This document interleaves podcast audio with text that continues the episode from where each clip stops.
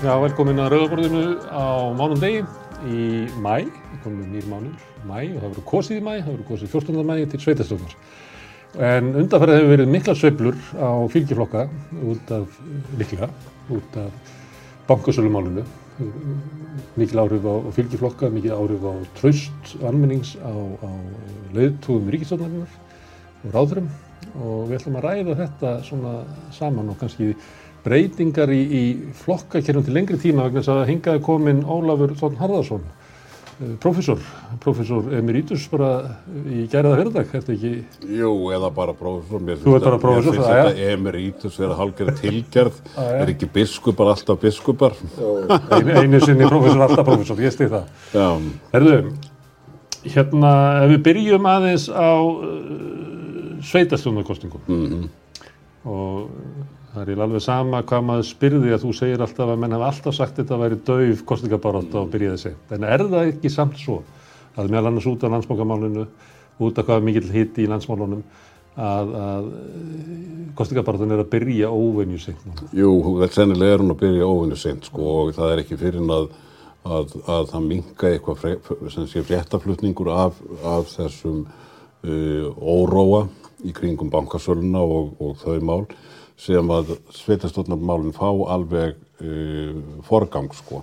Hins vegar þá var ég nú að skoða þetta í dag og meira og hef nú verið að fylgjast með því að í rauninni finnst mér fjölmiðlarnir margir hafa staðið sér mjög vel í því að gefa sveitastofnarmannunum sko tækifæri til að koma sínum sjónamiðum og framfæri. Ég sé þetta á, í pallborðinu á, á vísi.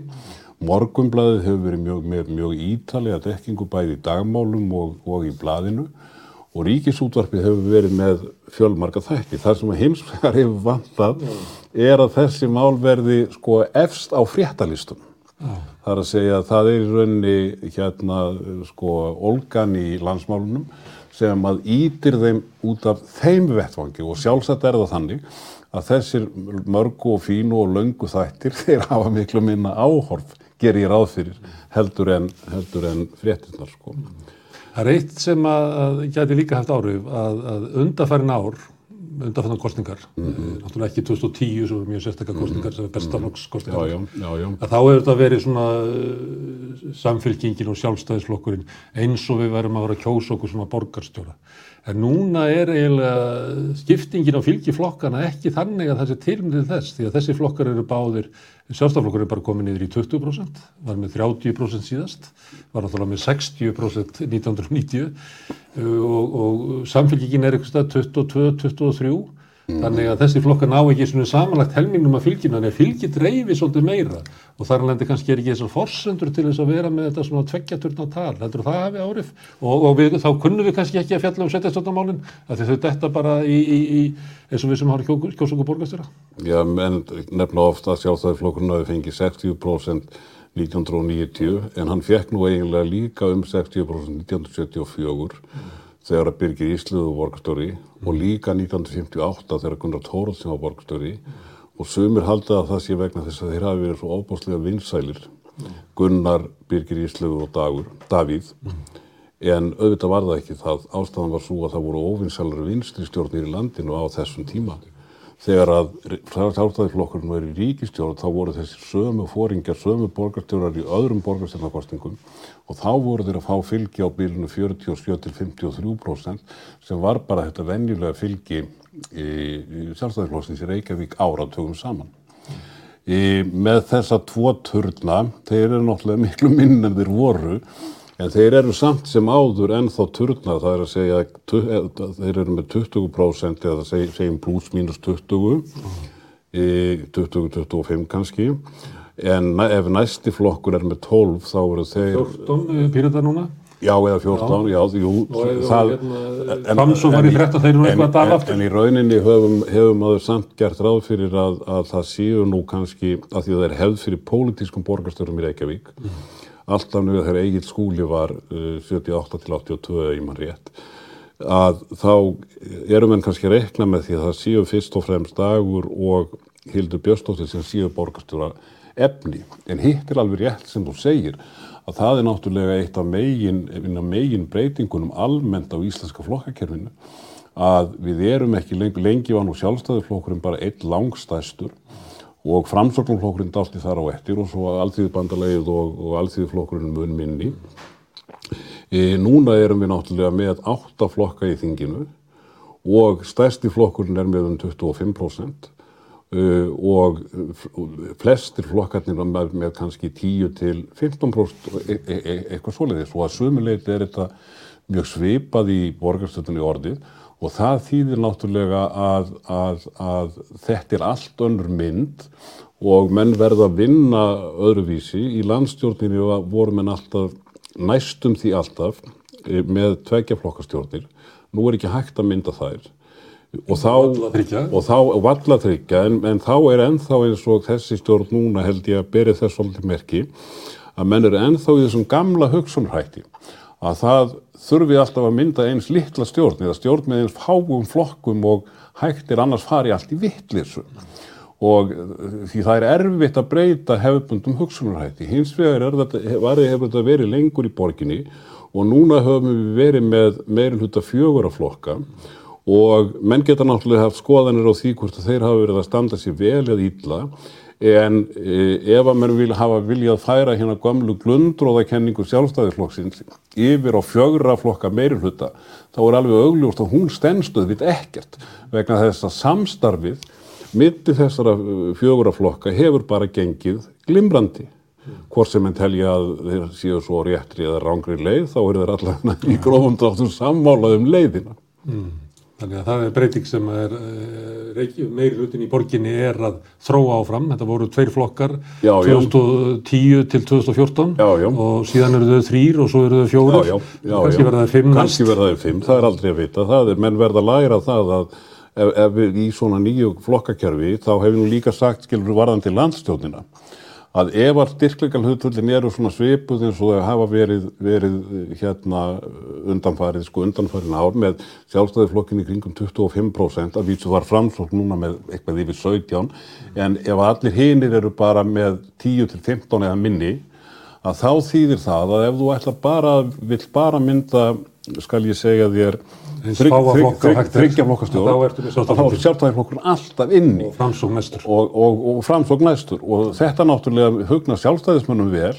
En einhvern veginn heldur maður að, að, að vinstri og miðjuflokkarnir þeir hljóti að hugsa sig um hvert að þeir sættir sér við það að sjálfstæðarflokkurinn í svona kerfi sé alltaf í stjórn. Áður en við förum í landsmálinn að þá er hérna staða sjálfstæðismanna í Reykjavík. Einu sinni var þetta höfu við í sjálfstæðismanna, var sagt, en, en það hefur breyst mikið, sjálfstæðismann hefur breyst og það er munurinn á þéttbílisfylgi hans og svona landsbyðafylginu er miklu minn en áður var. Uh, hann var, hefur verið í kostningum með fyrsta mann í öllum kjördamánum út á landi líka, þannig að, á sama tíma og hefur hörnað sko þéttbílisfylgið. Eh, ámar að vera að draga svona álíktunar á þessu eða, eða eh, ef maður tæki hins vegar allt höfbrukarsvæði saman mm. þá er sjálfstaflokkurinn ennþá með svona afgerandi stöðu.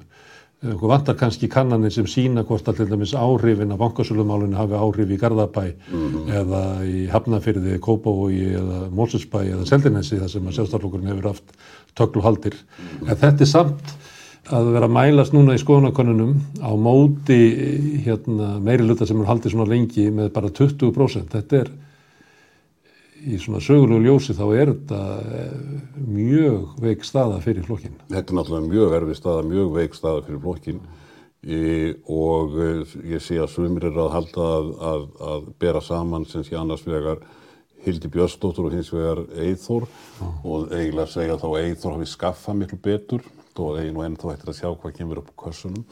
Ég held að þetta sé mikill miskilningur vegna þess að það er mjög algengt að menn ofmeti áhrif fóringjana á fylgið. Allar rannsóknir benda til þess að vinsældir fóringjana hafi ekki mjög mikil áhrif á, á fylgið.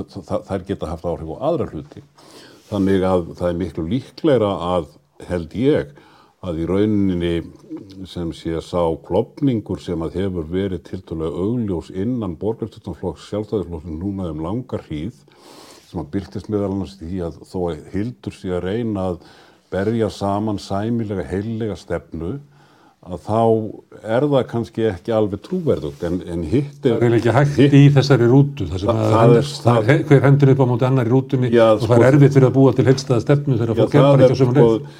Sko, það er þannig með málamiðlanir að það er auð, auðvelt að semja ef að menn eru að fást við mál þar sem að menn eru meir og minna sammála um markmiðið mm. til að mynda ef allir vilja hérna góða leikskóla þjónustu þá eru menn kannski að rýfast um það hver hafi byggst flesta leikskólana, hvort að nóg hafi verið gert og hvernig nákvæmlega ég gera þetta.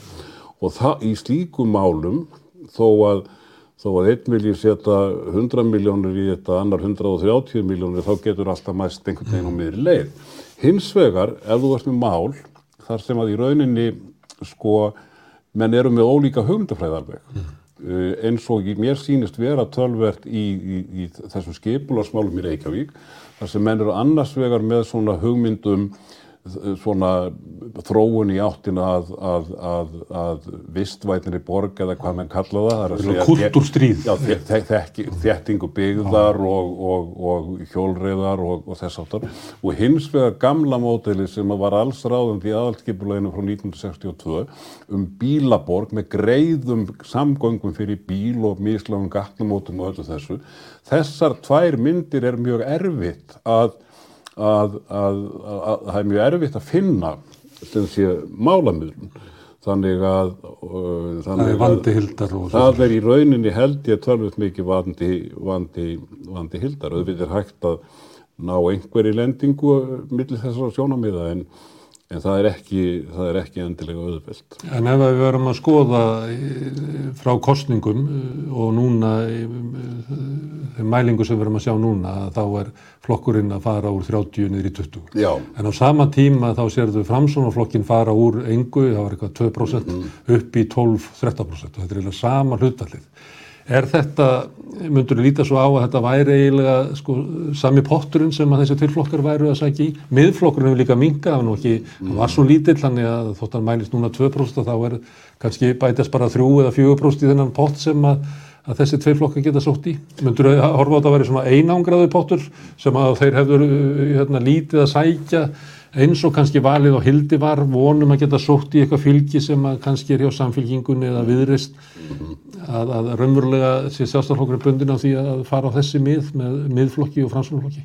Við erum ekki með kannanir sem að sínir streymi eða segjum mann eftir sem að sínir streymi millir flokka í borgarsjöldakostningum svona almennt nema ég man þó eftir því að, að, að það, er, það eru galupkannanir sem hafa gert þetta rétt fyrir kostningar og Til að mynda var það mjög aðeinsvert þegar bestiflokkurinn vann sinn stórstegur 2010 og fekk þriðjunga atkvæða að þá var það, og þá sá ég sé, eftir könnun hvaðan fylgi kom.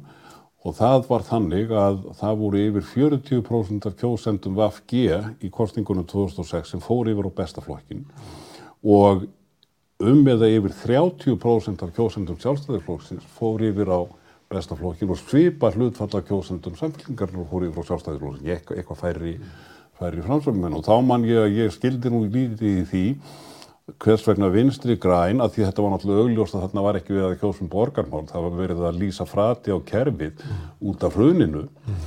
og þá skildi ég ekki akkur vinstri græn, grænu kjósendurnir voru, voru í mestum mæli að fara yfir á bestaflokkin og uh, því að vinstri græn náttúrulega hafði bára enga ábyrða hruninu eða, eða hafði ekkert verið í stjórn og var að við Þannig er, er ríkistjórn Jóhannu og Stein Grímsson sem sett orðin allskumul komi, byrjuð að verða vakna vombriði með hana. Já, hún er farin að verða óvinsel sko.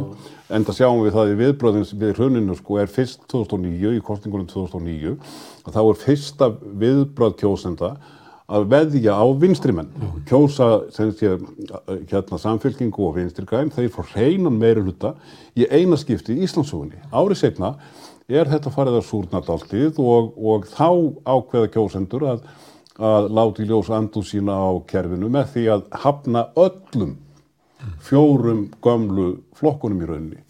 En ástæðan sem mér var gefinu upp og ég sel nú ekki dýrar ég kefti af að, hérna, að, að það hefði verið eitt gamal og tröstur kommunist eins og þeir voru kallaðir í gánadaga í VFG sem sagði sko ég ætla ekki að missa því tækifæri lífsmýns að prumpa alminlega á kerfið.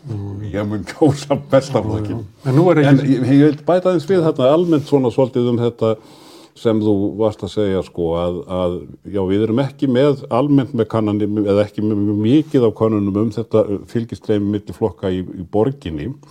En ef við skoðum hvernig þetta gerist í, í, á, á landsvísu líka núna sé í undanfarandi kostningum að þá hefur streymið, hvað mest streymið verið milli framsóknarflokks og e, sjálfstæðuflokks og miðflokks. Það er að segja að ströymarnir þarna á mikli, milli eru miklu sterkari heldur en ströymarnir til og frá þessum þremur flokkum til einhverja Þetta er hægri. annar flokk. Þetta er í rauninni, já, þetta er svona hægri púlja og það af því að margir halda nú að vinst, að viðreist sé mjög mikill hægri flokkur, þá kemur viðreist ekki inn í þessa púlju. En það er það ljóst af öðrum konunum að kjósendur viðreistnar að þeir eru miklu nær miðjunni. Og í raun, Tekur uh, hægri hlutan af samfélkingunni, frekar heldur, Já, í rauninni heldur en frjálslindari hlutan af sjálfstæðarflóknum. já, þeir eru, þeir eru hvort vegna, þú getur, getur sagt að þeir eru í margt samígjast með frjálslundari hluta sjálfstæðarflokksins en þeir eru líka, líka myndi í mig sem segja þetta eru bara hægri kratar. Og eh, en a, það var annað sem ég langaði að nefna sko að því að tala um þróun sjálfstæðarflokksins í Reykjavík og hérna í kring það náttúrulega sem hefur gerst í, sko, sjálfstæðisflokkurinn fekk alltaf miklu meira fylgi í borgarstöldokostningum í Reykjavík heldur en í alþingiskostningum og var kannski að fá 40-45 í bestu árum í þingkostningum hér meðan hann var oftast með eins og ég sagði 47-53% í borgarstöldokostningum þannig að einsir kursan í borginni sem kursan ekki til þings. Svipað og er staða með samfélkinguna núna. Meira já, í gæ, já, í rauninni, það ég hafði ekki hugsað út í það, en það er, það er, það er ekki vitlaus uh, samlíking. Uh, það sem að hins vegar hefur gerst er að, er að uh, sko, Reykjavík hefur orðið rauðari eða sjálfstæðisflokkurinn veikari þar meðan að hann heldur mestanpart fylgi sínu í kraganum í kringum höfuborgina. Og akkur gerist þetta? Það getur haft eitthvað að gera með félagslega samsetningu. En, Sjálfstæðismennir fluttur út í útkverjum. já, þess vegna, þess vegna, ég hérna, þekkt ekki nú sjálfstæðismenn sem að flutti í Garðabæ þegar erlistin kom til valda í Reykjavík.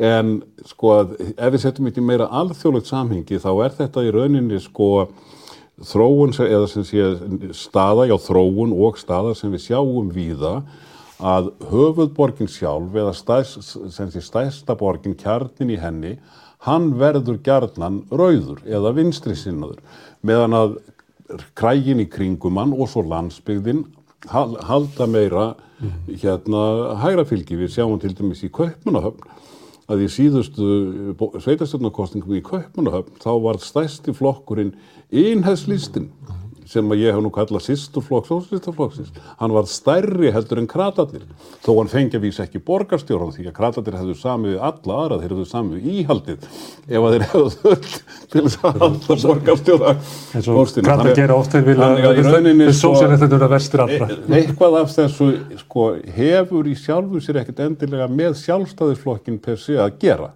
Það er að segja ádjensin fyrir hann í sem sé Reykjavík er bara minni heldur en hann heldur en var áður. Hugmyndirnar sem hann stendur fyrir e, þær hafa bara minna fylgi í sem sé borginni heldur en þær höfðu áður. það var meira fylgi í Grafavogi þannig var það lengi Já, já, það er en í heldur við fyrir neðan Við Eldarar. sjáum þetta líka hérna mjög vel sko innan borgarinnar að það er mikil skipting milli eh, því sem einu sinni var kallað gamla vesturbæjar íhaldið sem að nú er, og káar hverfið er bara orðið rauðliða hverfi en, en hérna það er mikil skipting á, á eh, sé austan og vestan við ellið ár, það er líka aðtilsvett þar sem að þarna vestan við ellið ár er líkara í rauninni sko bæjuna hér í kringum okkur. Þú nefndir áðan að, að sjálfstæðarflokkurinn hefði náð bestri stöðu í Reykjavík á móti óvinnsælum eða mm. vinstistjónum mm 90 uh, hvað var það, 50 og 58 58 og, og 74. 74 Já, já. Núna, uh, þetta verður ekki verið óvinnsal ríkistjón, hún hefur silt í gegnum COVID og verið bara mjög sterk. Þángar til að kemur núna að, að bankamálunum og þá kemur, kemur fram mikið svona andof gegn hérna stjórninni. Þannig að öllu líkjendum muni þessi þ- þrír flokkar ættu að eiga í erfileikum á sveitastóttastíðinu og því að við skulum kannski einbett okkur bara að tala um Reykjavík vegna þess að við höfum tölur þar og eitthvað fleira það flóknar að tala um eitt. Uh, við erum búin að fara yfir sjálfstaflokkin.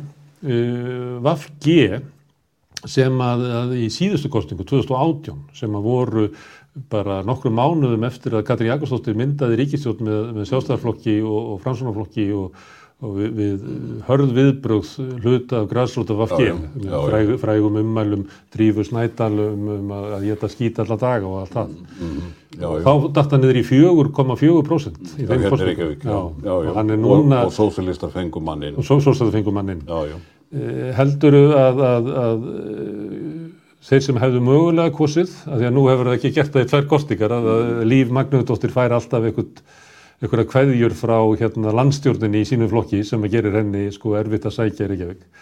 Eh, þannig að, að, að, að fekk áfalli líka síðast. Heldur að það geti valdið því að þetta verði erfitt fyrir vakki núna?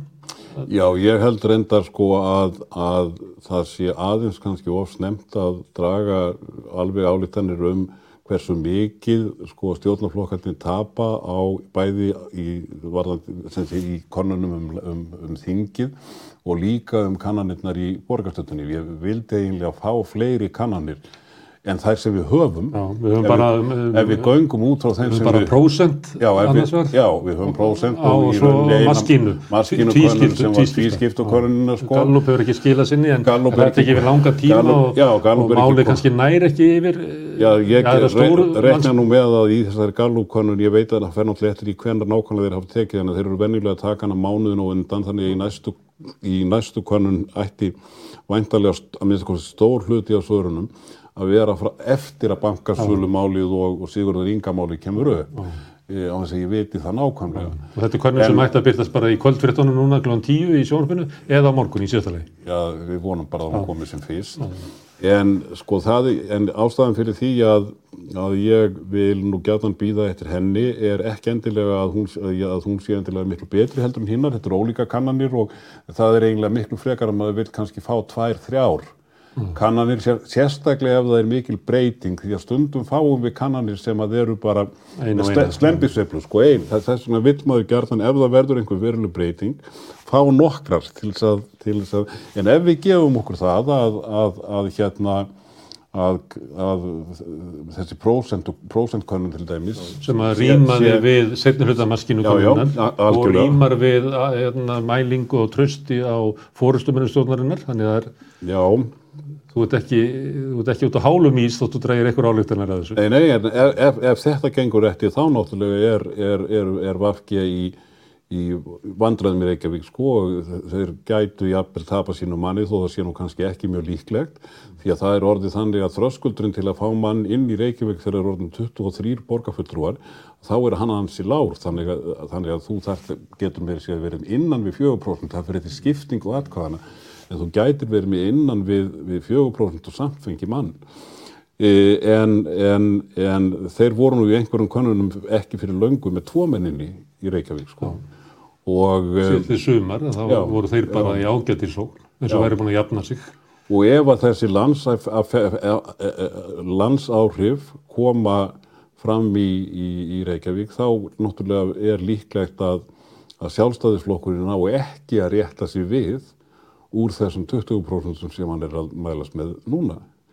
Framsóknarflokkurinn í, í þessum, þessari prósentkönnun þá var, var hann með 12 varð ekki, eitthvað svolítið. Já, hann var, fór upp í, í maskinu í eitthvað, 14, var í 12 núna sem var kynnt á stöð 2. Sko, þannig að miða við það, þá er hann ekki ennþá að, að, að gælda þess í borginni, hann er náttúrulega með nýtt frambóð nýjan, og í rauninni sko líka svo við komum aftur á fóringjónum sko að sumir halda að, að minn, minn gamli nefandi Einar Þorstinsson sé svona mikill vótgættir mm. og hann er náttúrulega snöfumannlegu frambjöðandi en hins vegar þá verður er rétt að hafa í huga sko að framsokk var komin með yfir, um með yfir 10% fylgi í þingkostningunum síðast Þannig að, að, að hérna, Hann er að svona ríða bylgju sem að var, já, ég, það, það gæti verið sko, gæti verið.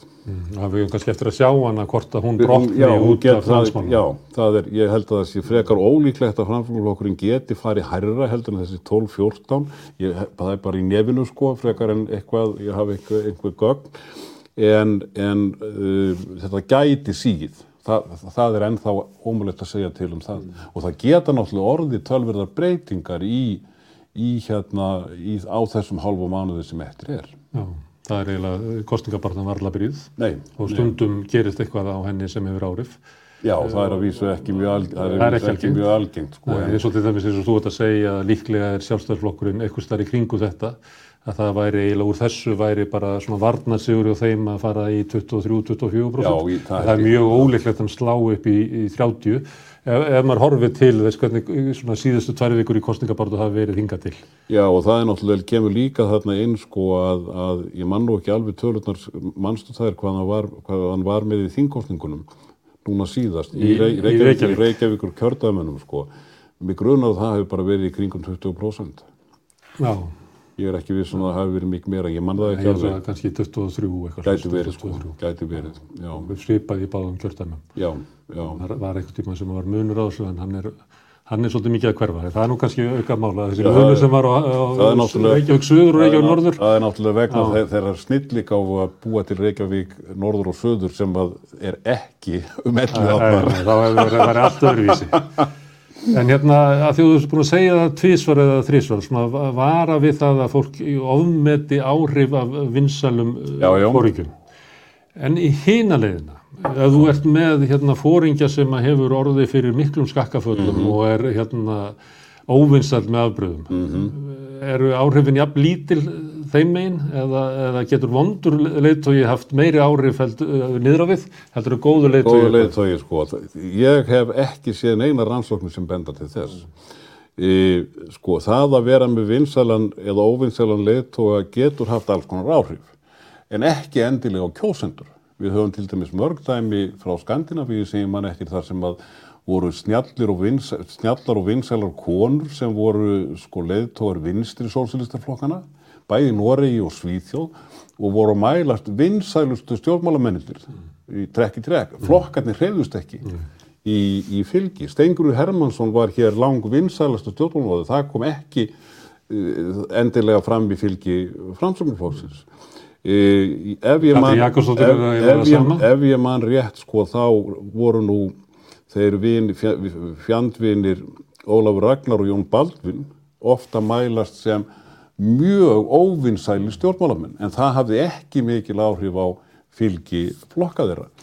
En, en hins vegar... þessi margir sem já. þeim en jafnmargir og yfirleitt fleiri sem að það- mótu Það var reyndar einkenn á Davíð að hann var gætan bæði vinsælasti og óvinsælasti eh, af því að hann var bara það í það stórum flokki sko.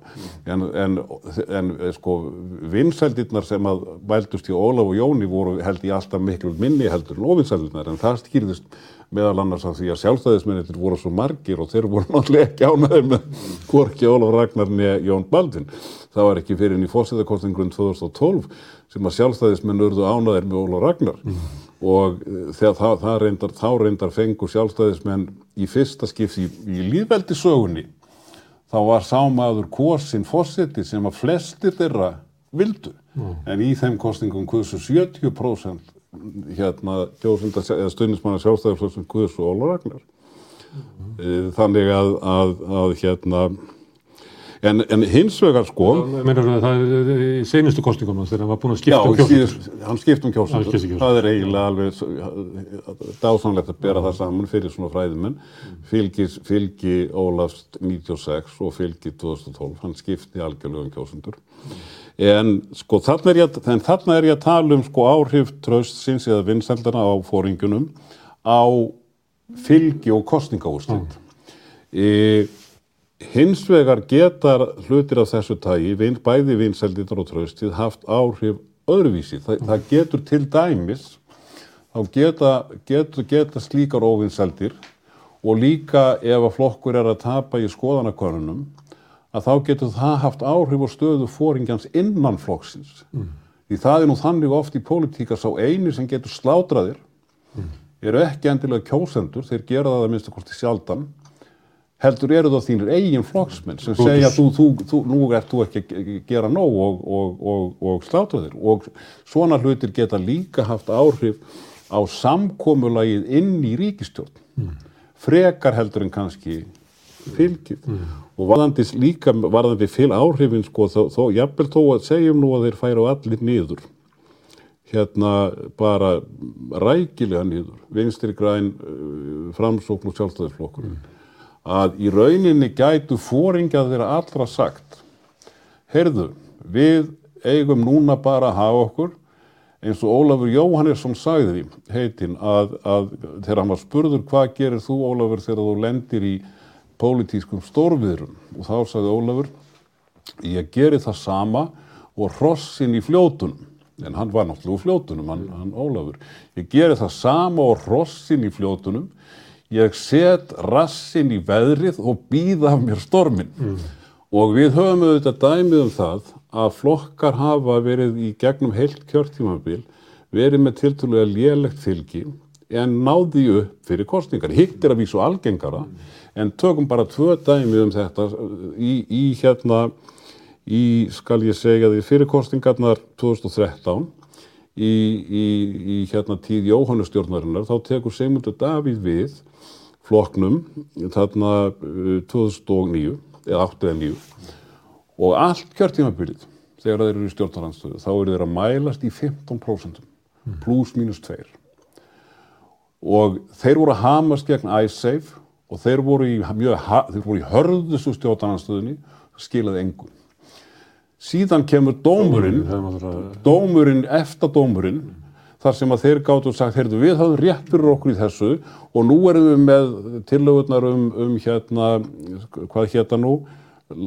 Breyti, lánabreitinguna eða hérna, Svigurúmið var þetta kallað, svigurúmið til þess að greiða penninga út í samfélagi aftur. Já, eitthvað svo leiði sko og allir aðrir og sérfræðingar sagðu, heyrðu þetta er ábyrðarlegs populismi hjá framsvöngurflokknum en þá gotur framsvöngurmenni komið og sagt já, hverjir er að segja það? Mm. Það eru því sömu sem sagðu að við myndum tapa í æsið málinu og á þrem mánuðum þrem mánuðum frá domnum og fram að kostningum þá nær flokkurinn að bæta við sig úr 15 í 25. Mm. En þetta er auðvitað frekar óvinnilegt. En sumpart sáum við þetta sama núna hjá Sigurd Inga. Framsóknarflokkurinn var búin að vera að mælast allt kjörtímabilið mm. í kringum 10% og oft undir 10%. Svo fer hann að skrýða upp kannski í svona 11, 12, jafnvel 13 mm. en bara á síðustu hvað þú kantar nú kannski eins og mér og ég betur en ég að á síðustu tíu eða tveim, þrem vikunum þá er hann að fara upp í þessi 17 mm. og þá kemur ljósa miðflokkurinn sem fólk var alltaf að býða eftir að myndi ná sér náði sér brekki, heldur dalaði Já, menn voru alltaf að býða eftir að, að Sigmundur Davíð myndi draga kaninu upp úr hattinum. Að, og, og töluði eins og Sigmundur væri alltaf að draga kaninu upp úr hattinum en hann gerði það breynu sinna, hann gerði það bara 2013 mm og rey, núna reyndar svona áhugavert fyrir áhuga mennum sko um, um kostningabaráttu og kostninga á, áróður og svona stefnusgrár er að núna dró að vísu, svo ég leiðrætti sjálf um mig að núna dró Sigmundur Kanínu upp úr hattinum.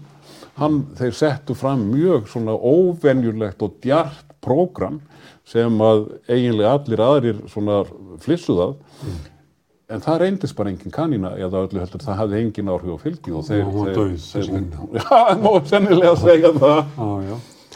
Herðu, en við erum að tala um uh, vinsaldi stjórnmálamanna, en uh, þetta er mælt svona eh, afstafa almennings til eh, fórustumanna í stjórnmálum út vandan heim já, já. og það er ástæði fyrir því einhver ástæði hlutur að vera, það er ekki þannig að þetta hefur lítið lárið á kostningar að menn sé að mæla þetta í einhverjum óþræð sem að menn eru kannski að mæla er sko styrku stjórnmálamanna til þess að geta beitt sér til þess að ná málum fram að, að stjórnmálamaður sem er með í miklu andófi við mm. kjósendur, mm. já, hann er yfir eitt svona næri ekki miklu í gegn, hvorki inn í sínum flokki eins og þú varst að lýsa, hann er komin í vörð þar og hann á í erfileikum með að ná það í samvinnu við aðra flokka. Nei, það sem ég var að segja í rauninu svo það sé alveg skýrt sko, ég var bara að segja á að, að þetta er áhrif á kostningar Já, já. en það eru alls konar önnur sem ég svona mælingar geta haft alls konar önnur áhrif. Það kom nefnilega ein mæling hérna innan milli skoðanakannana sem var mælt afstafa til ráðarinn hvort að fólk tristi þeim. Já, já, nákvæmlega.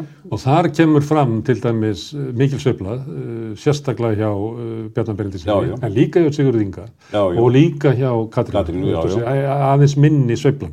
En, en það tekur hana úr einhverju svona gullflokki Já, já. niður í svona skárri, uh, hérna, efri me, me, milliflokk. drjúan miðlum Já, já, drjúga meðlum. Þannig að hún fellur eiginlega úr gullsæti sínu. Já, já, já, En Bjarni Benediktsson, ef við förum aðeins yfir þessa þrjá leiðtúra, hérna Bjarni Benediktsson hann mælist náttúrulega með 71% Já, af fólki já. vantristur honum. Já, og ég, hérna, maður er auðvitað fullir af svona en, en ég svona man ágætlega tölu, ég man ekki eftir svona, hvað, ég man ekki hvernig mælingin var á Sigmundi Davíð eftir Panama þáttinn, það má vera hann hafi verið, en ég held Já. að þú finnir ekki svona dæmi með það, það var bara 18% tristónum í, í sjálfstæðsflokk, fórustumanni sjálfstæðsflokksins Já,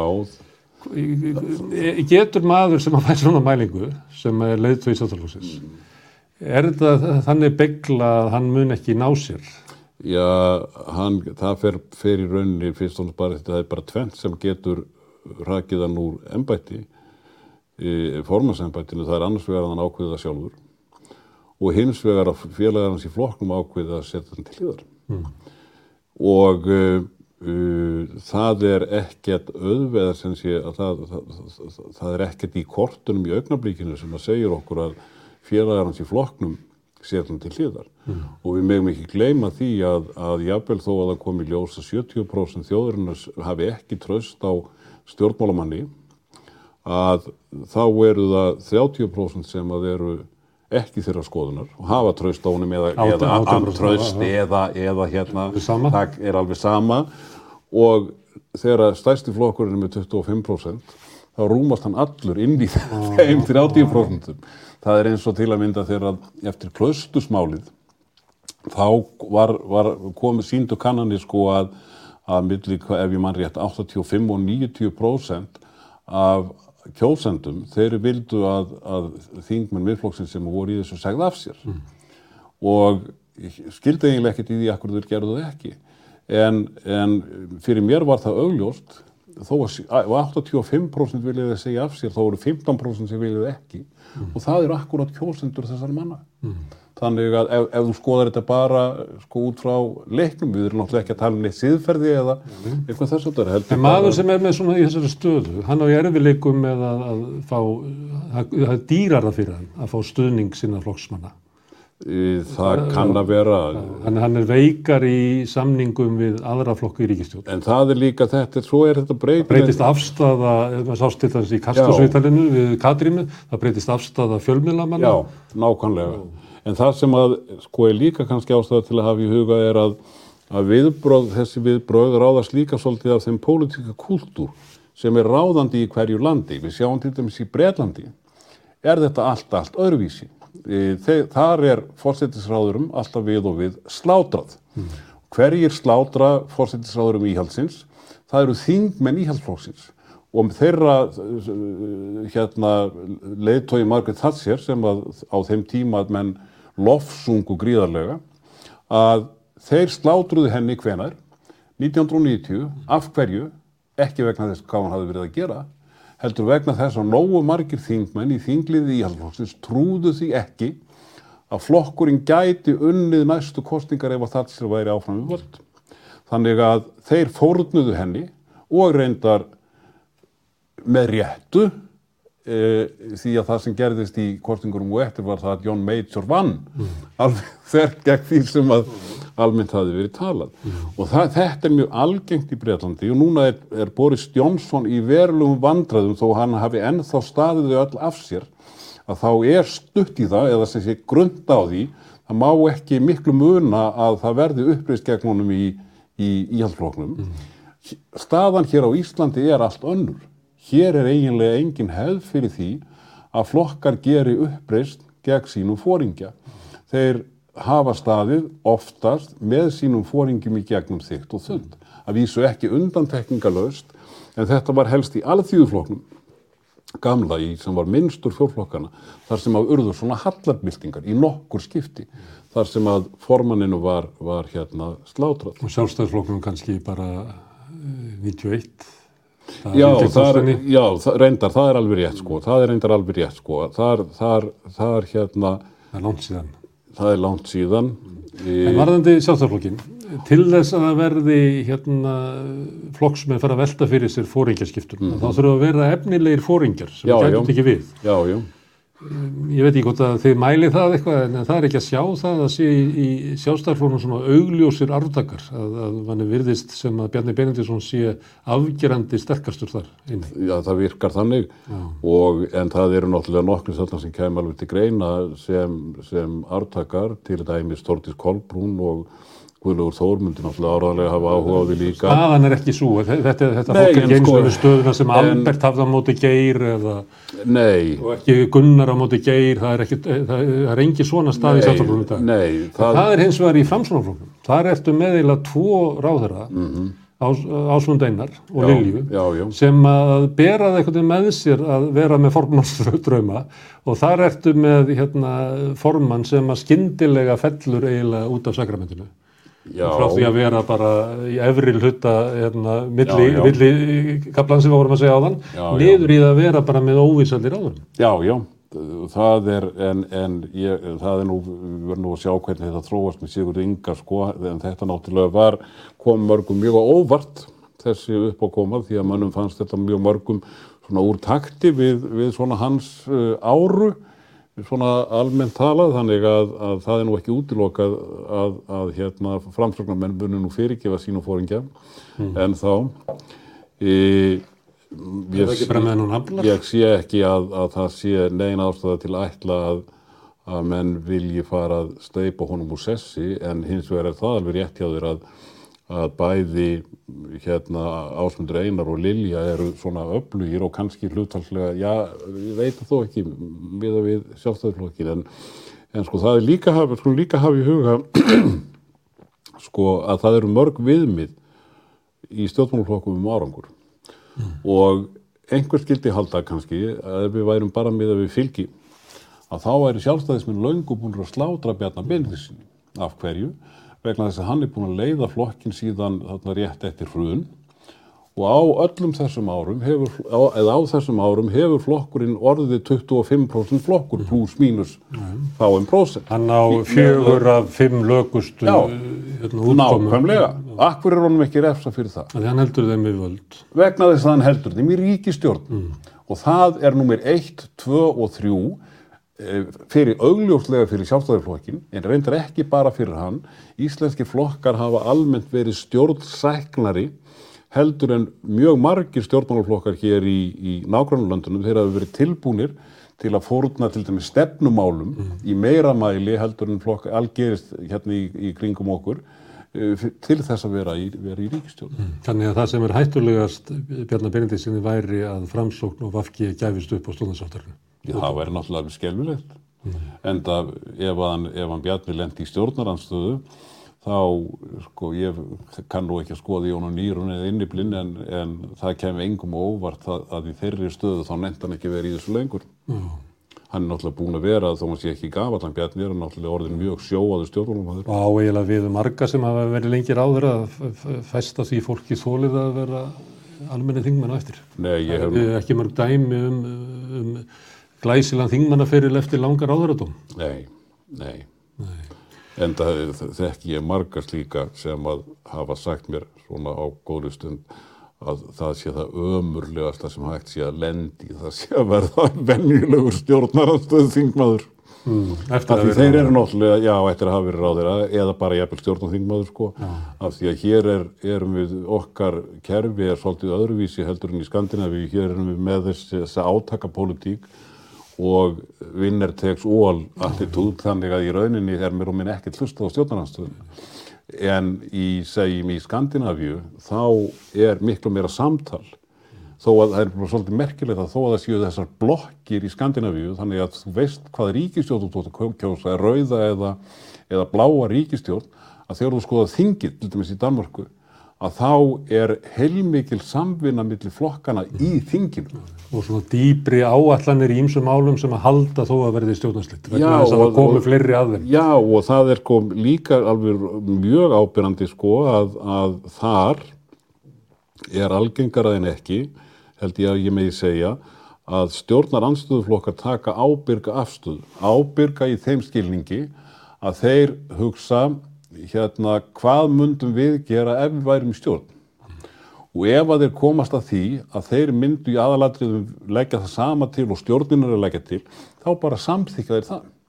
Meðan að hér á landi, þá fara mér mikið eftir því sem að Davíð Olsson lísti nú að hann hefði gert þegar hann var í andstöðu við vinstri meirul hlutan 78 til 82 í borginni og hann sagði í viðtali eitthvað á þessa leið, ég var bara alltaf á móti. Alveg sama hvað þeir lögðu til, alveg sama hvað mér fannst um það, ég var bara alltaf á móti. Og þetta getum við sagt að sé svolítið hefðbundið stjórnar andstöðu uh, viðbragð á Íslandi. Ég hef stundum sagt að það eru bara tveir flokkar, stjórnin og stjórnarandstöðun. Svo fara einhverju flokkar á milli flokka úr stjórning stjórnarandstöðu og þá skipta þeir um prógram, skipta þeir algjörlega um tón. Og það sem að er nú kannski dapligast við þetta er að, að í svona kerfi þá verður gaggríni stjórnarandstöðunar svo ótrúverðug. Það er að segja, jafnvel þegar að stjórnarandstöðan er með virkilega góð mál sem að ættu að ganga einn að beini á ríkistjórnarflokkunum að þá verður alltaf auðvelt fyrir, fyrir ríkistjórnarliðið að segja æja, þetta er nú bara þessi venjulegi háfaði sem er alltaf í stjórnaranstöðinni. Þannig að þetta er eins og með strákinn sem hrópað úlfur, úlfur. Og við erum að fá svolítið stjórnaranstöðu í þessum anda núna. Eh, Eftir COVID þá hefur verið eiginlega svona svolítið fríða, frí, fríður í tvö ár. Já, Og þú nefndir Bjarnar Benediktsson að þá er það kannski svona í setni tíma þá er stjórnaranstaða hans og Sigmundar Davíð við vinstri stjórn Jóhannu og Stengrims sem var í þessum anda. Hún var gríðarlega hörð og ég var nú reyndar er, núna, er að fara á málþing í Færegjum setni í vikunni og hef verið að skoða málþóf. Og hérna ég sé þar að í því sem ég hef lesið um það sko að, að, að, að, hérna, að, að þessi skelvilega málþófshefði í Íslandska þinginu sem er nánast óþægt í þessu formi í öllum þingum hér í kringum okkur en, en á hér mjög langan aldur að sko það eru vinstri stjórnir sem að hafa harðast orði fyrir barði, barðinu á málþófi sem að þýðir þá að sjálfstæðismenn hafa verið harðastir í málþófinu þegar þeir eru í stjórnarandstöðu en hins vegar hafa þeir náttúrulega lengst En það verið blöskra í stjórn. þeim, blöskra þeim að einhver aðrir hafi völdin og telja sig, telja sig geta beitt öllum bróðum. Já, já, já, já. Herðu, en ja, áður en kemur Katrínu að því þú ætti að segja það að þessi, hérna, menn hafi sagt við því að það sé ömulegt að vera stjórnaranstöð þingmaður og sumuliti vitu það líka að það er eiginlega ennþá verra að vera stjó, almennur stjórnarþingmaður vegna þess að ráðherrarnir ráðu öllu. Þannig það eru raunverulega bara kannski 11-12 hlutverk inn á því þingi og hitt er og maður finnst að maður sjá þetta svolítið núna að því að nú er að koma svona harðari anstaða og bankasölumálið er náttúrulega gott mál mm. fyrir að deilum, en þá serðu að það er eiginlega flesti þeirra sem eru ábyrjandi eru nýjir þingmenn sem að eru uh, sætta sig við það að vera stjórnaranstöð þingmenn að meina eld, glaður við það, en, en glaður við það. Og standa sér príðilega. það standa sér mjög vel og það er bara, það, ég held að það sé hluti af því að þetta mál er svolítið bara skemmtilegt í þinginu Aha, að það eru, hérna, það eru nýliðarnir sem að halda því eiginlega gangandi því að ef þú fyrir að rifja upp svona eldri stjórnaranstöðu þingmennina að þá hafa þeir ekkert verið sérstaklega ábyrjandi í þessu. nei, nei.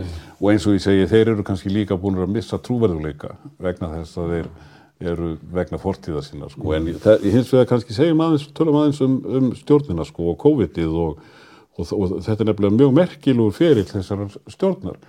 Og hún náttúrulega er mynduð um stöðuleika 2017. Hún er með anstæða póla hugmyndafræðilega, margir spáðin ekki langlífi út af því og e, svona stjórnir eru mjög óvenjulega, það eru helst myndaðar á stríðstímum.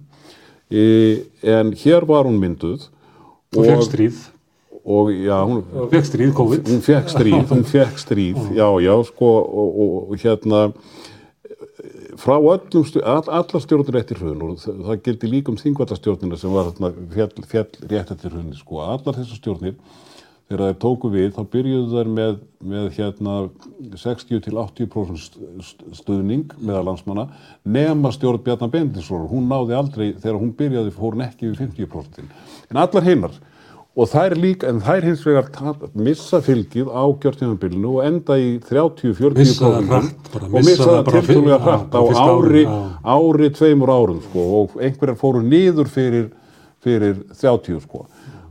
Rétt áður en að COVID kemur þá og hérna stjórn Katrínar hafði líka byrjað svona hátt sko, var hún komin niður fyrir 50% og maður sá bara fyrir sér að hún myndi bara halda áfram eins og hinnar. Þá kemur COVID, hvað gerist?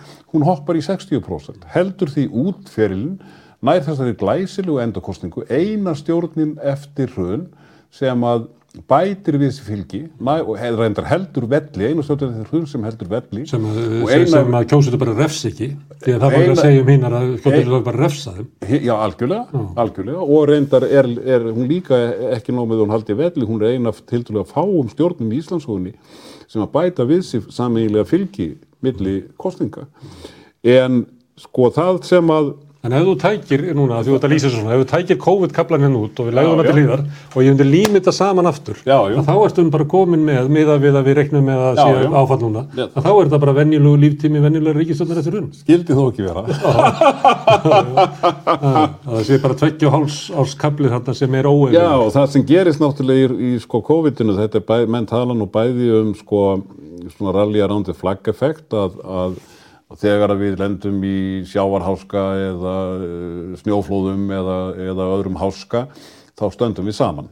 Og þetta gildir þá líka innan ríkistjórnarann því að, því að hérna, meðan að þú, að þú færið COVID sem allt snýst um, að þá ert ekki að rífast um hinmálinn sem þar sem grundvallar ágreiningur á sig er í rauninni stað. Sigmundur Davíð hefur lýst þessu reyndar bara príðilega sko, í rauninni sko, meðan að þú ert að slást við COVID þá bara eh, koma ekki fram ágreiningsmáli. Núna hins vegar þegar COVID-ið er búið þá held ég, og það gæti jafnvel verið erfiðara heldur en bankamálið, við erum náttúrulega eftir að sjá hvernig það endar, að, að segjum nú að stjórnin lifi það af og, og haldi áfram, að þá er enn eftir þrjú ára á kjörtíðanbílunu og þar geta komið upp alls konar mál sem að eru mikil ágreiningsmál, enganlega milli sjálfstæðurflóksins og, og, og vinstri græna. Og búið að reyna Til á dæ- samstarfið núna. Já, já og náttúrulega þessi uppákoma núna, hún hefur að minnstakosti augljóslega sko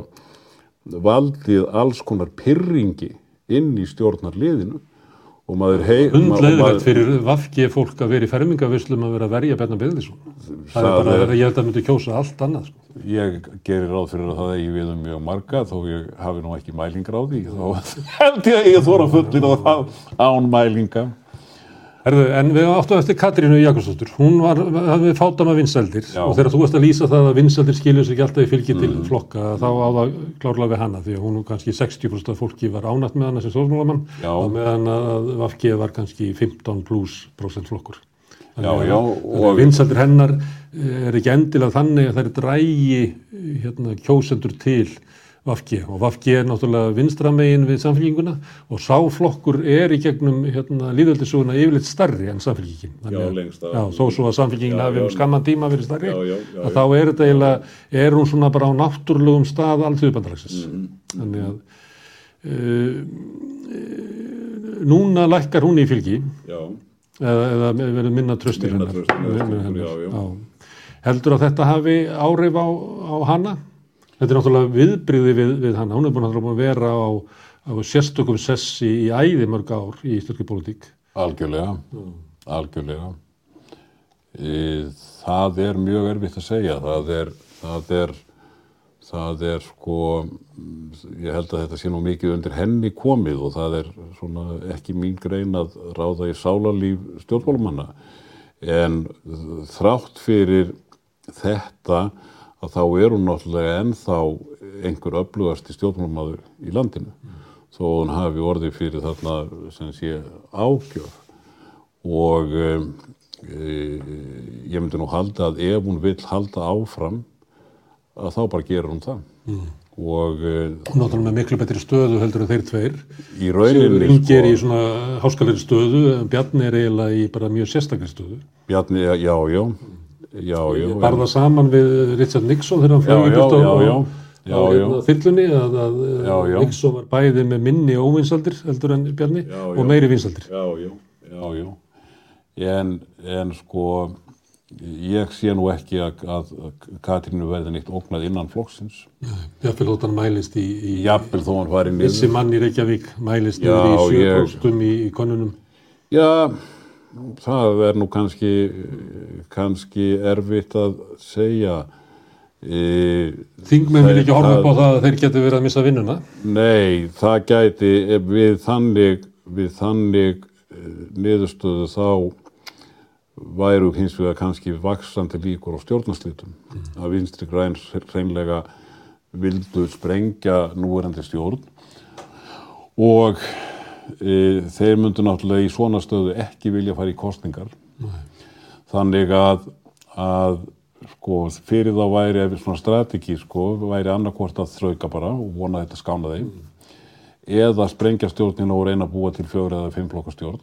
En til þess myndu þau ventarlega þurfa að hafa framsögnarflokki með sér og ég hefur reynd að tekið eftir því þó að og það er náttúrulega bara svona anekdótal sko, ég bara heyri það hjá, hjá framsögnarmönnum og sjálfstæðismönnum sem ég tala við að það er, hefur verið svona, þeir eru opinskári um pyrring milli sjálfstæðismanna og framsóknarmanna e, núna, e, núna síðustu vikutar heldur en áður sko, meðal annars út af bankasölunni og líka út af Sigur og Ringamálinu þar sem að ímsir framsóknarmennir argir finnst að, að, að, félagar hans í ríkistjóðinni hafi ekki stutt Sigur Ringa eins og Meiri þessi ásakandunir hafi verið flokksbundnir sjálfstæðsmenn. já, já, já, já, já.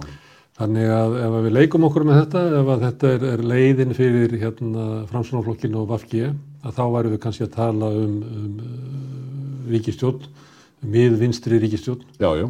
sem að væri kannski frekar leitt af, af framsunarmanni heldur en Katrínu. Hugsanlega, Katrín í utryggisöfundið, hugsanlega.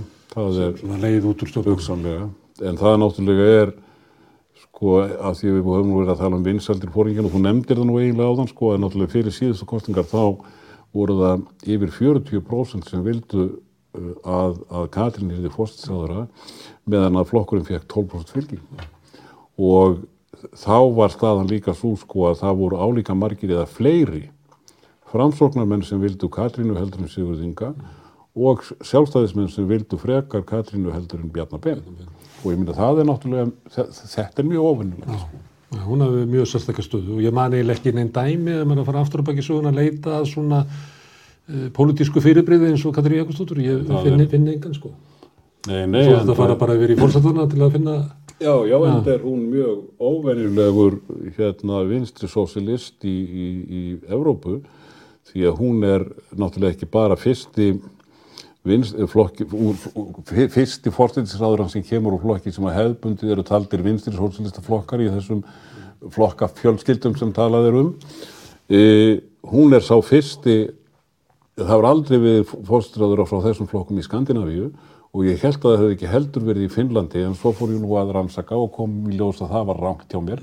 Það hafði vinstri sósílisti verið fórstræður í Finnlandi í einhver tvö ár kannski rétt fyrir 1950 og í Evrópu, og tekur alla vestur Evrópu, að þá eru þeir teljandi á fingrum annarar handar vinstri sósílistar sem hafa vorið fórstræður. Þannig að, að og það byggir, í rauninni- upp á sérstöku trösti sem að Katrín Jakobsdóttir hefur. Já, Jóð hefði aldrei náðu þessu það, þykir, mér afar ólíklegt sko. Og í rauninni sko hérna fyrir þegar við vorum ungir menn Gunnar Smári þá hefðum við nú látið segja okkur að minnst að þrým sinnum að sjálfstæðismenn myndu láta það yfir sig ganga að sitja í skóli kommunistafóringjans í landinu. Og um, þarf ekki að rifja upp að, að, að sko þegar að Kristján Eldjárn, ég man nú ekki hvort að það var 78 eða 9, þá var ég annarkoð skiptið minnstu kosti, þegar að, þegar að sko Kristján hafði þó reglu að láta alla fá umbóðið, þannig að, að formaður alþjóðu bandalagsins fekk líka umbóðið og morgunblæðið ætti að ærast yfir því að, og taldi þetta bara meiri hátan nexli, að kommunisti fengi umbóðið. Þetta er 1980 40 árum síðar eru þeir tilbúin til þess að gera fóring, for, formann vinstri sósílistaflóksins í landinu að fósittisráðura. Það margt breyst meðal annars eh, hérna á þessum árum sem þú ert að vísa til. Já, já. Þá voru þessi flokkar á móti NATO og þeir voru á móti já, herbúðum. já, en þeir voru... Þeir voru með stefnu sem augraði í sjálfsaflóknum en stefna Vafki virðist ekki gera það. Þið skulum ekki íkja það, sko. Þetta, það var náttúrulega, sko, þetta var NATO her, eða NATO var aldrei mál. NATO gerði það aldrei að verkum að, að, að alþjóðu bandalagið og sólsýðarflokkurinn gætu ekki farið í ríkistjórn með, með hérna sjálfstæðiflokknum.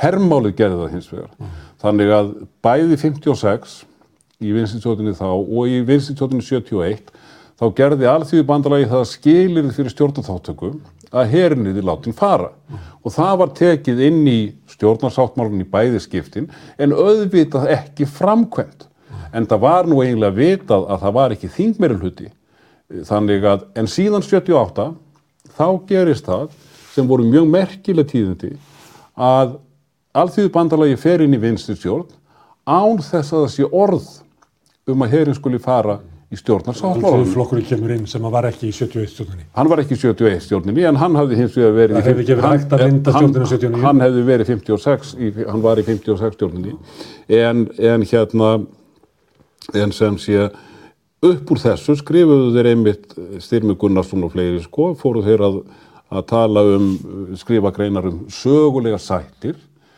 og, grei, og greining þeirra var svo að núna þegar að utanríkismálinn sem að hafa náttúrulega ósemjanlegt, þeir gáttu náttúrulega aldrei fallist að það að láta herinn fara, sjálfstæðismenn, að nú væri alveg komin flötur á samstarfi sjálfstæðisflóks og alltíðu bandalags. Það varði ekki, en ég hef lítið svo á að alveg frá 78 þá hafi það verið þannig í prinsipinu að það var alls ekki hægt að útiloka að alltíðu bandalag og sjálfstæðisflokkur færu saman í í ríkistjórn þó að það gerðist svo ekki Það var Óskar Ríki, þú nefndi styrmið, það var nú alltaf Óskar Ríkistjórn hans, hann Já, hann var svo, sko, hann var svo skotin í nýsköpunarstjórninni. Já, já, þráði alltaf endur komu hennar. já, já og, eh, enda, enda Ég kynnti upp af því að við ætlum að ræða aðeins breytingarnar á flokkakjörfinu Já. og einhver leiti hefur það spilað inn í þetta. En við höfum verið með svona freka þröngt sjónarhóttn á, á hérna, það fylgisbreytingar sem hafa verið undarfarið og, og, og hérna. En þessi upplöst uh, fjórflokksins og breytingar á flokkakjörfinu hvað Hvernig lýsur þú því? Hva, hvað er að gerast í Íslandu Það samfélagi? er kannski eitt sem ég langar til að nefna áður sko, sem að er ný breyting og er ástæða til að hugsa um sko, varðandi langlífi ríkistjórna og þarfmyndugotunum. Og það er svo hefð sem hefur myndast eftir hrun fyrir fjölda mótmælum og östuvelli. Sko hér áður þá höfðum við náttúrulega sko hérna óerðirnar og slagsmál og, og, og brotnar rúður og alles í í NATO-slagnum þegar við gengum í NATO 1949 en svo andstaða hún breytti engum hún feldi enga ríkistjórn Uh, við fórum inn í NATO. Hún hafði svona symbolk áhrif og, og uh, sjálfsagt áhrif á baráttutreg þeirra sem voru andvíir uh, eitthvað áfram. En í aðalatriðum þó breytt hún ekki sem sé neinu svona miklu. Síðan vorum við náttúrulega með á næstu áratökum stökur sinnum með mjög fjölmennar keflavíkugöngur eða gegn hernum, það er breyttu aldrei neinu. Uh, við vorum svo með fullt af mótmælum þar sem að voru the usual suspects svona 20-30 sem að löggan og við áhuga með um stjórnmál gáttum við að nafngrind alla. En þegar við fáum aftur búsóhaldabildinguna og þessar, þessar, þessi læti öll sem urðu á Östurvelli, það eru tímamót. Það fyrir það til stjórnmál götunar. Það, if you like, það, það var hérna, hérna, hérna, já, já, e- ef þú vilt, sko. Það sem að hins vegar En sem er svona auka afl Já, já. sem að var ekki til áður. sem var Það ekki til áður, það verður til. Og, og hérna, það sem var náttúrulega sérstaklega merkilegt við, við hérna mótmælinn í búsóhaldabildingunni, að maður þurfti ekki annað en að fara inn á Östuvöld og horfa á þetta til að sjá að þetta var ekki the usual suspects.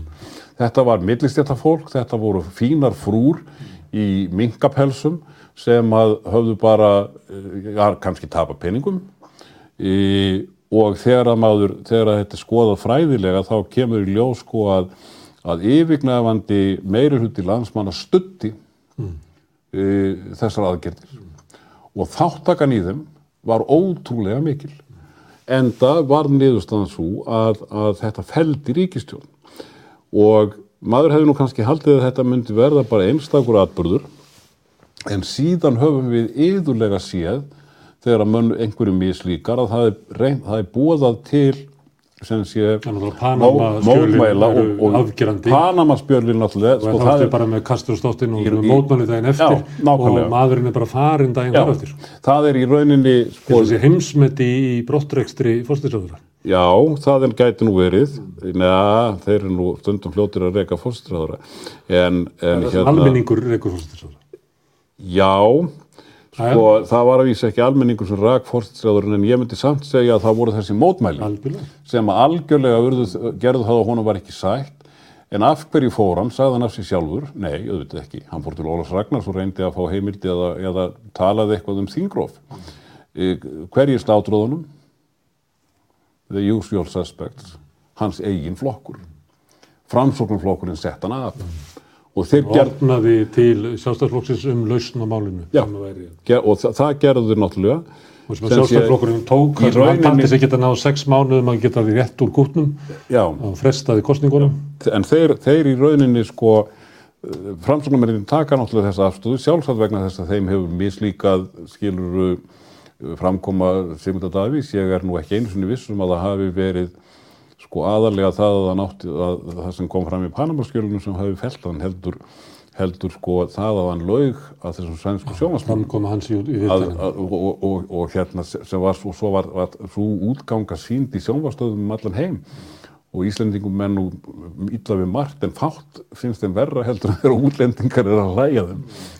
Þannig að við getum sagt að svona fjöldamóðmæli hafi felt tvær ríkisáttir eða öllu þetta tvo rak, já, felt í rauninni já, eða- já, raki tvo fórstræðar minnst kosti úr embættið við orðum það. Síðan hafa náttúrulega verið fleiri mótmæli sem að hafa ekki skilað neinum viðlíka árangri. En núna sjáum við að það er mennir að skipulegja eru með þessi mótmæli gegn bankasölunni á Austuvelli og hvað eru það búið að vera fjórir eða fundir eitthvað svo leiði sko? Og e, það er, mér sýnist alveg augljóst og þú veist það náttúrulega miklu betur að, að menn eru í rauninni með mótelið frá 2009 í huga það er að sé að vera með vikulega fundi, vera með skýrar, einfaldar skýrar kröfur og gera sér vonir um að þungin og fjöldin aukist með hverjum fundinum sem var þróunin 2009. En þá náttúrulega eru þessi, þessi mótmæli sko ekkert í líkingu við, við það, sem að, það sem að gerðist 2009 og náttúrulega ekkert í líkingu við þessi sko ótrúlegu spontant viðbröð eftir Panamaskjölin sem voru nú eiginlega alveg ótrúleg sko. E, en við vitum ekki, við vitum ekki hvort að skip, hvernig þróunum verður sko. Þarna er verið að þarna er, uh, það er vald í stjórnmálum eða, eða, eða miðja ykkur í stjórnmálum sem er austurvöllur sem ekki var til fyrir. Já. Sem að er, að við hefur Mér kannski, finnst það svolítið merkileg, me- mér finnst það svolítið merkileg tíðindi í íslensku stjórnmálum.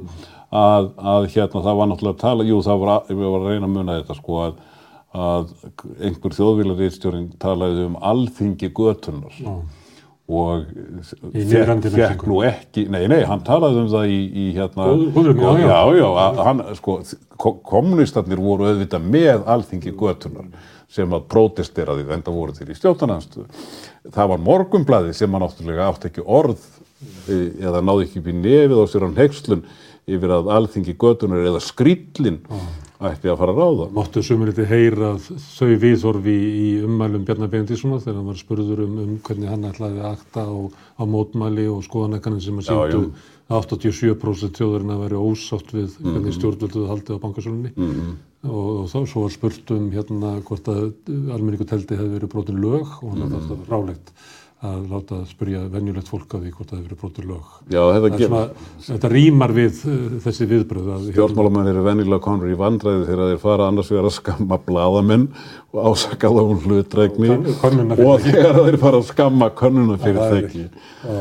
Auðvitað má segja, skilur að ég minna það skiptir máli hvenar spurt er í sk- skoðanakönnun en hins vegar getur stjórnmálum ekki gert neina alltaf við það að, að spurja almenningum það hvort að, hvort að hérna, menn haldi að þarna hafi lög verið brotinn en stjórnmálamæðurinn má náttúrulega segja honum, segja honum finnist þetta astnarlega spurning.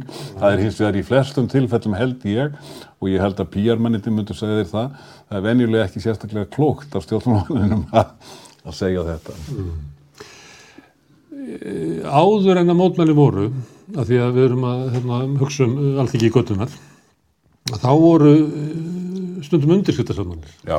Þær höfðu það er eiginlega bara vari land sem eiginlega slökti á hermálinu Já. sem að var hérna undirskiptarsöfnun sem að hægri menn stóðu fyrir að það eru eiginlega ekki dæmi um að undirskiptarsöfnunir hafi haft mikil áruf. Kári Stefánsson setti Íslandsmet með safna 87.000 undirskriftum sem að ég held að hafi ekki haft neina áruf. Sko það er, það, með undirskiptarsafnunni þá, þá gerðu samtök her, hernámslandstæðinga eins og við getum þá í kring 1960 tilraun til að fara stað með undirskiptarsafnunni en hún bara konaði niður og ég held að árangurinn hafi ekki verið nógu góður þannig að því var bara sjálf hægt. 74 aftur kemur var í land sem að nær þessum ótrúlegu, þessum ótrúlegu árangri að á þeim tíma voru þegar ég mann rétt 55.000 skrifuð undir það var að vísu gaggrínt að atvinnuraukendur höfðu verið að láta sitt starfsfólk lifa og svona sko. En bussið frá því þetta var, voru rosalega margir en þú segir að það hefði skipt sköpum, það held ég ekki. Nei. Það var alveg ljóst, mér var það ljóst þegar stjórnum var myndum 1971 að hérinn myndi aldrei fara. Já. Og ég geti nafngreint fyrir því tvo þingmenn í þingflokki framfélagflokksins, Jón, Jón Skaftarsson og Björn og Laungumýri sem að hefðu að mínum mati sko frekar hérna láti, láti drepa sig heldur hann að samþykja að heyrinn færi. Mm. Þannig að... Það var í land sótti sigur sem var þegar unnin eitthvað nefn. Já, þeir, þeir, þeir sóttu sigur sem var þegar unnin, sko, en það breytir ekki því að, að, hérna, að þetta var mjög glæsilegur árangur hjá því mér þessari í þessari undirkvæmstöfnun. Það er engin svona dæmi um þáttöku almennings Nei, utan stopnarnaflokkana sem hefur haft ári fyrir en að við komum þá í búsvöldabildingu. Já, nei, sennilega ekki fyrir búsvöldabildingu en það sem hefur gerst í gerst hérna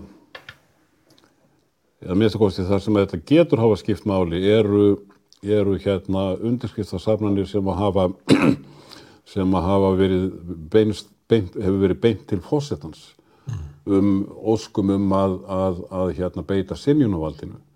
E, sennilega er það nú samt oftar sem að því hefur ekki verið synd til, til að mynda... Það tvisaði með æsef.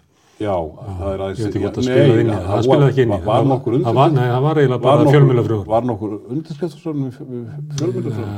Já, það var allavega skoðanakannan sem síndu afgerandi... Það síndu náttúrulega algjörlega afgerandi anstöðu við það sko, þannig að... að hérna, það er eiginlega bara fjölmjölafröður. Enda þorði stjórnin ekki að fara með það í þjóðræðkakli því hún vissi að hún vilti skítapa því. En það voru hins vegar tölvert mörg, tölvert mörg, margar undirskriftir til vigdísar í EES-málinu sem að, sem að hérna óskuðu eftir þjóðaratkvæða eða, eða sinjun og Vigdís gaf þá út yfirlýsingu um að, um að hún vildi ekki rjúfa þá hefð sem hefði verið að, að fósettin væri ekki að blanda sig með þessum hætti í stjórnmál. Í, þannig að, að það, að dæmin allavegna eru mjög, mjög fá um, um, um, um hérna að að undirskriftsafnir hafi í rauninni mm. skiptsköpum. Það gæti, gæti verið í sveitastjóðnum samt, það, það, það, það er öðru vísi sko. Ég spurði þetta bara til þess að draga fram að hvað breyti ekki verður og þegar verður til svona uh, valdastofnun á Ístuvelli eða, eða sem getur haft árif, sem er utan flokkakerfisins, en, en var endur flokkakerfis sjálft. Það hefur hérna breyst á umliðnum árum. Hvaða, hvernig myndur þú útskýra þau breytingar? Já, það, það sem hefur, hvað, hvað er það sem hefur breyst? Það hefur í rauninni fyrst og fremst breyst að, að við erum með í staðin fyrir uh, fjóra flokka sem eru hryggjastykkið í kerfinu og höfðu lengst af frá, frá 1930 og alveg til 2013 verið að fá uh, sko oftast á bylunu 90 til 100% fylgi, stundum aðeins minna. E, að, að þá erum við núna komið með átta flokka og í staðin fyrir að stærsti flokkurinn sé 40% flokkur þá er stærsti flokkurinn núna 25% flokkur.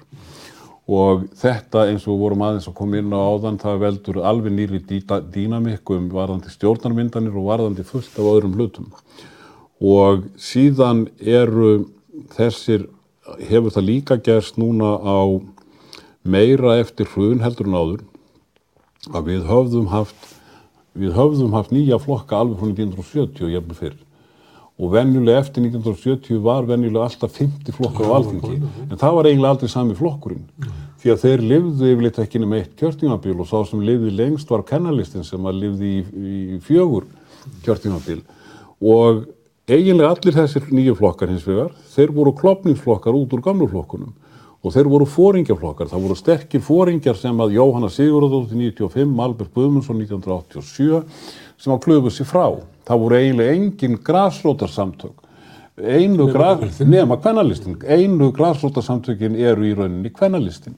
Hins vegar, sko, þessi, það hefur fjöldi flokka komið fram eftir, eftir, hérna, eftir hrun og allmargir þeirra hafa sem sé komist inn í þingið og þeir eru mestampar til græsrótaflokkar, þar að segja að þeir eru sprotni úr, úr einhvers konar græsrót. Það er, það er líka nýtt í... í Sem að tengis kannski austurfelli. Get, já, getur gert það. Við höfum náttúrulega... Aukin völd eða aukin svona plattform almennings fyrir utan stofnarnarflokkana. Já, í rauninni sko, í rauninni. Við náttúrulega, borgararhefingin 2009 var beint afsprengi hérna, var hérna búfaldabildingarnar Nú er kerfið hjá okkur að verða líkar því sem er kannski er í Skandinavíu sem er eins og þú ert að lýsa kannski efsti flokkurinn með 25, krattanir er að detta þar niður. Er, er, er, við í, er við í millibilsástandi, er líklegt að hér þrói svona blokkir? Það er, það er... Getur framslunarflokkurinn ákveðu í hverju blokkinu að vera eða verður hann eins og mitt á milli þannig að hann mun eiga, gæti nú átt mjög erfið með að ákveða í hverju flokku fólksins ákveðu í hverju blokkinu þetta vera? Já, í rauninni, það er líka góð spurning Já. og viðrist. Hvar myndur þú sittja ef þú ættir að ræða þessu í blá og rauða blokk? Hvar myndur þú sittja flokk fólksins? Já, það er, sko, ég myndi ekki geta svara því. Ég, ég held að, að sko, ef við, ef við verðum með rauð og bláa blokk, þá sýnist mér algjörlega augljóst að, að hérna, að hérna sjálfstæðiflokkur og miðflokkur eða það sem eftir er á honum. Mm. þeir væri í bláablokkinni Viðrist gæti verið en, hún, en hún gæti líka verið Viðrist gæti verið eins og radikali venstri í Danmarku mm. sem aðeins stundum í bláablokkinni og stundum í rauðblokkinni og hefur verið og var það svona kingmaker. Framsóknarflokkurinn efnislega gæti líka verið í, í þannig stöðu. Það er hins vegar sko augljósta samfélkingin og píratarnir Vafgi. og Vafgi og sósílistanir og sósílistanir er ég að gleyma einhverjum? Það væri rauðablokkin sko. Og hérna en í rauninni sko er alveg, alveg hægt að hugsa sér að, að bæði framsókn hérna og viðrist gætu líka verið í þannig blokk. Eða tingað á milli eins og er dæmi í Skandinavíu það eru flokkar sem er mitt á milli. Já já og það er reyndar er nú það sem hefur verið að gera svolítið í Skandinavíu er að það eru svona vísbendingar um að blokkakerfi sé að þess að brotnu. E, það er ekki einn stert og það var fyrir bara tíu árum. E, Voruð með líkur á, á ríkistjórnum sem er fara á milli hægur og vinstri í Svíþjós? Já, það sem gerist núna, já, var núna fóru, fóru þarna tveir flokkar úr hægri blokkinni mm. og gerða stöðnisflokkar ríkistjórnarinnar, sko. Þó að það sé mjög fádýtt að, að það séu mynda ríkistjórnir þvert yfir línuna. Það er, mjög, það er mjög fátt í Skandinavíu. Það gerst í Þískalandi, það gerst í Hollandi, það gerst svona hér og þar, Já. en eiginlega síst í Skandinavíu. Já, það, ég held að það mér alveg segja það. En þetta kerfi sem við erum með, það er einhverju leiti er það ekki að virka því að þetta er svona millibilskerfi. Við erum með hérna, gamla valdaflokka sem að uh, sumuleiti hafa völd langt um fram fylgisitt út af sko sterkistöðu sinni og einhverju leiti er ekki komin inn í svona uh, blokkamyndun Já, eða sko, ég held, ég er ekki sko, það að vera með blokkir myndi einfalda ímsa hluti sko og það, kosturum við blokkir er að vita sá að, að þá hafa kjósendur skýrt val um það hvers konar ríkistjórnir fá eftir kostningar. En blokkirnar hafa líka ímsa, galla, e, sérstaklega ef að blokkunum á Íslandi fyldi þetta hefðbundna viðþorf stjórnar og stjórnarnarstöðu. Það er að segja að, að, að önnur blokkin væri við völd og hinn blokkin væri bara móti öllum og svo myndi hinn blokkin skipt algjörlega um skoðun þegar hún kemist til valda. Ef við gætum hins vegar verið með blokkir og þróa kerfi eins og í Danmörku þar sem að er miklu meiri samvinna millir einhverja einstakra stjórnaranstöðuflokka og stjórnarflokka, e, þá Búa til svona lengri tíma samkomulög í varnamálum, í rauninni, húsnæðisuppbyggingu. Í rauninni, ég meina það er í flestum málum er það þannig að, að hérna flokkar eru nokkuð sammála um megin línur. Að vísu, sko, það er náttúrulega hægri og vinstri hugmyndafræði. Í, það eru til mál þar sem að hérna sem að getur verið erfitt að, að sætta sjónamið, það getur til dæmis átt við um ofinbjörnar rekstur og engarekstur en í mjög mörgum málum er sko ekkert ginnungagap milli flokkana og í rauninni getum við sagt líka til dæmis að því við erum að tala um Skandinavíu að þar erum við með þessar skýru blokkir, rauða blokk og ba- bláa blokk en ef við skoðum veröldina ef við berum þetta saman við bandarísk stjórnmál þá eru rauðablokkin og bláablokkin í Skandinavíu sammála um nánast allt sem máli skiptir. Það er að segja að allir flokkar í Skandinavíu hafa verið sammála um þetta norræna velferðar líka. Það er að segja þó ég er að blanda saman velferðarkerfi, líðræði og markaskerfi. Svo eru menn ósammála um hérna blöndurnar Og svo færist Og- líka samkomulagi færist til. Það færst mjög mikið til hægri og miðjan, svo fæ, Já, já. al, miðjan Þá færist allir flokkarnir í einu. Nákvæmlega, nákvæmlega. En, en ef maður miðar við þetta í, við bandaríkjum, sko, þá náttúrulega væru hægri flokkarnir í Skandinavíu í vinstra armi demokrataflokksins í bandaríkjunum og, og hérna þú finnur fáa þar í, hérna sem að styðja stefnu replikana þó, þú- þó að það verður miklu frekar í populistaflokkunum í Európu sem að, sem að það gerðist. Populistar hafa mikil áhrif, við vorum með franskar fórstakostningar þar sem að, að hægri populisti fekk yfir 40% atkvæða. Uh, við erum með svíþjóðademokrata sem er að mælast með 20% fylgi í Svíþjóð. Uh, þeir eru nú gefið eftir uh, hægri populistaflokkandi bæði í Nóri og, í Finnlandi og hérna Danmörku.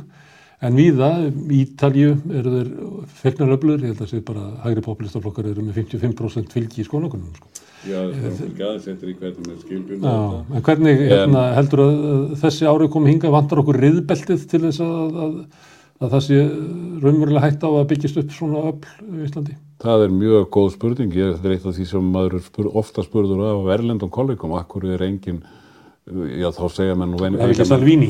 Já, akkur er ekki svona þjóðetnissinnaður populistaflokkur á, á Íslandi? Og sko það er ímstar tilgátur, sko. Ein er svo að, að sko í rauninni þá hafa allir íslenski flokkar eða nokkurn veginn sko verið með ákveðna þjóðetnistaug þannig að og þjóðernis stefna hefur aldrei verið skilur svona skammarir á Íslandi. E, en síðan hefur er ekki hér, sko það hefur náttúrulega, og mælingar hafa sínt það að tortrykni í garð innflytjandi og útlendinga er umtalsverð í landinu.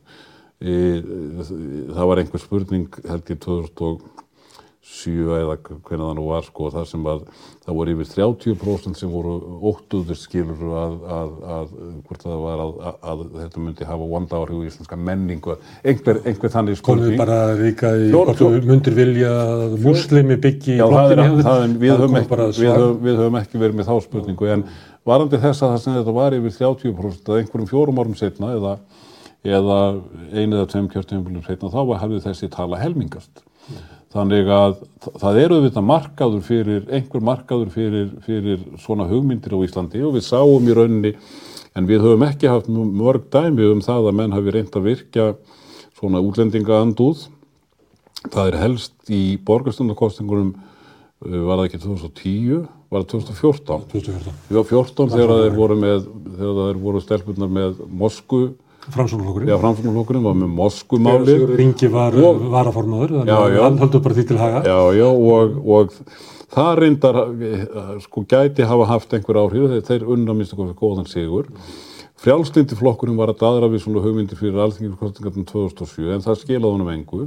Hann fór upp í skoðanakonur reyndar fyrir kostningar sko en, en þegar upp var staðið þá, þá skaffaði það ekki fyrir hann. Og síðan höfum við náttúrulega verið með einhverja örflokkar sko sem hafi verið, sem ég kann ekki nöfnin á sko, sem hafi verið að bjóða fram og fengi innan við 1% sko. En part, ég veit ekki alveg hvernig við eigum að skýra þetta. Ég held að það sé nú ekki, kannski, að Íslandingar séu, er ekki mjög trúaður á það að þeir séu endilega miklu umburðurlindari eða minni hérna rasistar heldur en, heldur en nákvæmur okkar. En hins vegar höfum við haft tölvert aðra samsetning á innflytjandum heldur en, en hérna nákvæmur okkar í Skandinavíu. Það hér eru eiginlega engin múslimar. Þó að menn séu að reyna að gera úr þeim einhverja grílu þá eru þeir bara mjög fáir. Og þar að þau gerur flestir okkar inn, innflytjenda eru pólverjar sem eru bara góðir yðnaðamenn og hérna Íslandikar eru bara gladir yfir að geta fengið smið eða pípara. Mm. uh, og hér hafa ekki orð og, og þar að auki sko það er nú víða Margi muslimar eru líka góðir yðnaðamenn svo ég segja Já, ekki nokkur um vaf um það Og, og það vísa til svona almenns viðhóðstjóðarinnar. Ég er að vísa til almenns viðhóðstjóðarinnar, það er að segja að hér hafa í rauninni ekki komið upp neins sérstök vandamál varðandi innflytundur. Þeir eru flestir í vinnu og velkomið vinnuafl. Það er hefð fyrir því margra áratögu hefð og vestfjörðum fyrir því að útlendingar björguðu þar fiskvinstunni mm. og, og hérna þannig að, að sko ef við lítum á þau áróður sprögð sem að nótuð eru í nágrannlöndunum mm. meðal þeirra sem eru á móti útlendingum að þá duga þau ekki á Íslandi vegna þess að staðri, vegna þess að fólk hefur upplifað annað á eigin skrokki. Það þýðir ekkert að segja Íslandingum og útlendingum að séu afætur. Það ekkert kannski þegar það kemur bakslag í... Já, það gæti, já, það gæti vel verið sko. Það bara verið uppgang og. Já, já, það er alltaf mál. Það er alltaf mál. já, því í Brexit að þá var yðnaðmenninir frá Bólandi spiluð inn í það. Já, já, já. já þeir voru að taka vinnuna fannst þeim. Já, já, já, já. Herðu, Ólafur, við erum búin að fara yfir ansibreytsvið og ég þakka þið fyrir að koma hingað. Eins og við lofum að þá hérna, rættum við sveitastóðamálinn, við rættum erfileika ríkistjóðunar, spáðum í fylgi flokkana, skoðum breytingarna sem hefur orðið á, á hérna, flokkakerfinu Uh, þú talaður um, um þá breytingu sem hafa orðið að austurvellur hefðu orðið að, að fyrirbrið íslenski politík. Þetta er fróðulegt að fá þig hingað og fá auðs og upp úr þér. Það þarf að kynna bók. Ég ætla bara að segja Já. frá því fyrir þá sem að ef að einhverjir eru sem hafa nefnt að hlusta á alla þessa langlóku hjá okkur smára Já. að þá um margt af þessu þá kom út bók uh, eftir mig og, og félaga mín í kostningaransókninni mm Efu Há Annudóttur, Agnar Frey Helgarsson og Huldur Þóristóttur mm. sem að fjallar einmitt um, sko, já í rauninni um svona megin einkennin og flokkakerfinu alveg frá 1930 en fókus er sérstaklega á breytingar sem hafa orðið eftir hrun mm. á þetta nýja flokkakerfi, hvernig það hefur gerst og ímislegt því varðandi og það sem er gott við þessa bók, því ég veit að hlustendur hlustendur stöðvarinnar, ef einhverjir eru að þeir eru ekki miklir hátekjumenn, að þá er hægt að fá þessa bók ókeipis á netinu. Hún er sem sé í opnum aðgangi, e, ef mann googla, hún heitir Electoral Politics in Crisis After the Great Recession, Change, Fluctuations and Stability in Iceland og ef mann googla bara Electoral Politics in Crisis, þá koma þeir inn á síðun og hjá Rúdlets og þar geta þeir hlaði bókinu niður og hvort sem er prentaðan út eða skoðaðan á skjánum. Að, og það er, ég get lofa mannum því burt sér frá analýsunni sko, hvort þau kaupa hann eða ekki að þá er þarna saman komin mikið magn upplýsingar. Mikið magn upplýsingar sem á að ætta að gagnast öllum áhuga mannum um stjórnmál. Við skulum setja hérna hlekk uh, í, í undir hérna bæði á Facebook og YouTube fyrir þá sem vilja nálgast þetta. Brilljant smáði, það er ekki að spurja því. Þannig að nú getur bætt við að sem ég segi hvernig ykkur til þess að læka síður samstöðurina bæði á YouTube og á Facebook til þess að auka útbreysluna og, þar getur líka sótt gamla þætti meðal annars þennan þátt. En nú getur ég sagt að þessi þáttu fæst líka í bókaformi og verður í hlekkjur undir. En ég þakka Ólafi Harðarsinni kellaði fyrir komuna og ykkur fyrir sem hafa dvalið og hlustað á okkur. Og segi bara takk fyrir í kvöld